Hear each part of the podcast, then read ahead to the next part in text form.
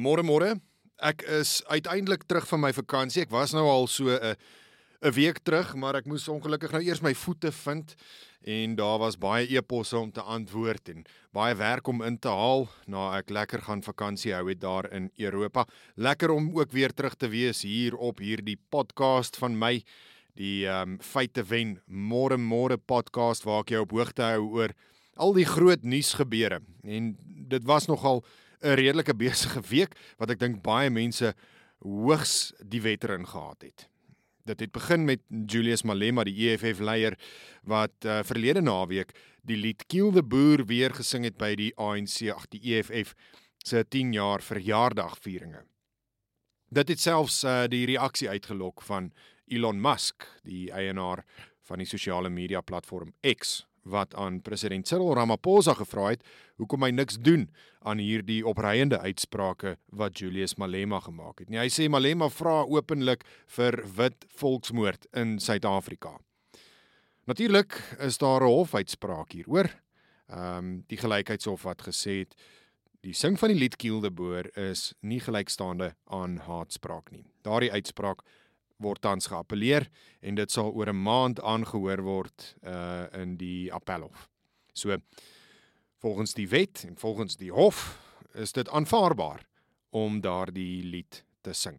Nou gister is president Cyril Ramaphosa se woordvoerder Vincent Magwenya gevra of Ramaphosa enige kommentaar het oor dit wat Elon Musk gevra het en oor die lied Kill the Boer. En Vincent Magwenya het gesê ag uh, president Cyril Ramaphosa gaan hom nie nou uitlaat oor die sing van die lied nie juis omdat daar nou 'n uh, hofsaak is en 'n appel aansoek is oor die uitspraak van hierdie lied. Nou dit is 'n lafaardige manier om op die kantlyn te gaan staan en nie 'n mening te hê oor iets waaroor 'n groot gedeelte van die land baie bekommerd is nie. 'n Groep minderhede bekommerd is nie. Die opreiende haatdraande uitsprake wat gemaak word deur iemand soos Julius Malema het sommige mense in Suid-Afrika, Suid-Afrikaanse burgers baie bekommerd. Maar president Cyril Ramaphosa het sy ruggraat eers verloor en sê nou op 'n lafaardige manier deur sy woordvoerder dat hy nie graag aan hierdie gesprek wil deelneem nie. Magwenya het eintlik 'n bietjie sy onderrok laat uithang toe hy later gister in dieselfde perskonferensie gesê het, maar uh, hulle voel nie eintlik dat ehm um, daar iets verkeerd is met die sing van hierdie lied nie. Hulle verstaan die slagspreuk anders, sê hy. Hulle sê dit is ehm um, nie gemik teen wit mense nie en dit moedig nie geweld aan nie. Hoe moedig dit nie geweld aan nie? Wanneer jy die woord kill in 'n lied sing, en dan sê hy nog kill the boer. En dan is daar nou al in die verlede gesê maar dit wys na die wit verwys na die wit onderdrukker. Dan maak jy dit mos tog nou duidelik dat dit 'n uh, lied is al is dit vir jou simbolies wat geweld aan het en geweld aanmoedig en dat dit op wit mense gemik is. So nee, hy is besig om die om om absolute twak te praat om te probeer uh homself te verskans en jy weet so 'n bietjie terug te staan en te sê nee maar ons verstaan dit nou 'n klein bietjie anders julle verstaan ons verkeerd. Ja, konteks is belangrik. Maar ons is ook nie die konteks van vandag is ons is nie meer in daardie jare waar jy struggle liedjies hoef te sing nie. Dit is nie meer die 1980s hier in Suid-Afrika nie. Dis 2023 en daar behoort nie meer plek te wees vir sulke liedjies in Suid-Afrika nie. Dan gaan Magwenya verder en sê hy wil nie of die regering wil niemand agterlaat nie. Hulle wil 'n inklusiewe samelewing skep wat omgee en waar daar maatskaplike samehorigheid is. Ek is jammer as jy toelaat dat hierdie liedjie gesing word by enige byeenkoms, dan is al hierdie dinge wat jy graag wil skep, 'n samelewing wat jy graag wil skep waar daar maatskaplike samehorigheid is, inklusiwiteit, mense wat omgee vir mekaar.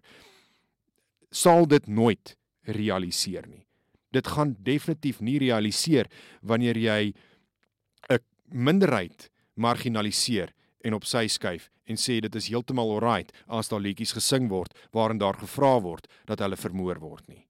Nee wat. Ek wil ook net twee ander stories uitlig wat eintlik maar die wetteloosheid en wanorde wat in die land hoogtyd vier net beklemtoon. Eerste een is Santaku, die taxi vereniging wat gister aangekondig het dat hy gaan staak in die Wes-Kaap vir die volgende week. So dis die taxi vereniging met hierdie taksies wat ongelukkig is oor die feit dat die stad Kaapstad en die Wes-Kaapse provinsie wet en orde wil handhaaf op die paaie. So wat nou hierdie week gebeur het is hulle het nogal redelik streng opgetree teen taxi eienaars wat padreëls verontagsaam en uh, wat uh, hulle taksies oorlaai wat met onpadwaardige voertuie ry. Nou is die taxi vereniging vies daaroor. So nou het hulle besluit hulle gaan vir 'n week lank staak. Die provinsie word eintlik lam gelê want daar is baie min alternatiewe vervoer uh middele wat gebruik gaan, gaan kan word want ja, die treindienste is lam gelê deur wie? Die nasionale regering die busse, uh, jy kan ook net soveel mense op 'n bus laai en daar is nie noodwendig genoeg openbare vervoer nie. So die taxi diens is eintlik maar een van die hoofare in ook die Wes-Kaapse ekonomie. So is belangrik dat die taksies op die paaie is, maar is ook belangrik dat wet en orde gehandhaaf word. Jy sien die probleem hier is die taxi eienaars skree nou dat hulle onregverdig behandel word deur die Kaapstad Metro en deur die Wes-Kaapse regering dat hulle heeltemal te hardhandig is met die afdwing van uh van die wette in die Wes-Kaap. Maar wanneer daar 'n ongeluk plaasvind en meer as 20 mense sterf in taksies wat in 'n botsing was, dan is dit dieselfde mense wat vra: "Waar is die regering? Hoekom het hulle niks gedoen nie? Hoekom hoekom het hulle toegelaat dat ehm um, daar onpadwaardige voertuie op die pad is?"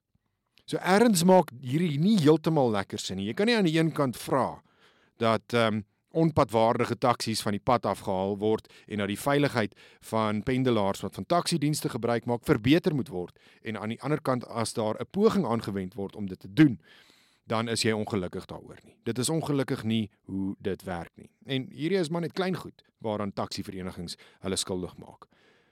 Dis eh, wette wat oortree word. Maar daar is groter wetteloosheid wat ook hoogtyd vier onder die uh taksiebedryf. Geweld oor roetes, mense wat vermoor word, uh belasting wat nie betaal word deur hierdie taksi eienaars nie. En so kan mense aangaan. Hierdie ouens is definitief nie wetsgehoorsame burgers nie en hulle moet glad nie dink hulle is nie. Hulle weet goed hulle is besig om te oortree en dat die Wes-Kaapse provinsie heeltemal by magte is om op te tree teen diegene wat onpadwaardige voertuie ry uh of wat die patreëls breek. Die burgemeesterskomitee lid vir gemeenskapsveiligheid JP Smith is reg as hy sê: "Luister, as julle ons goed vandaliseer of brand, dan skud ons 25 van julle taksies vir elke bus wat gebrand word. Vir elke gebou wat beskadig word, gaan ons 25 taksies skud." En nou sien ek daar's groot kritiek oor die manier wat hy hierdie nou hanteer, dat hy baie hardhandig is. En ja, ek het ook kritiek vir JP Smith. My kritiek is dit moenie 25 wees nie, dit moet 50 wees.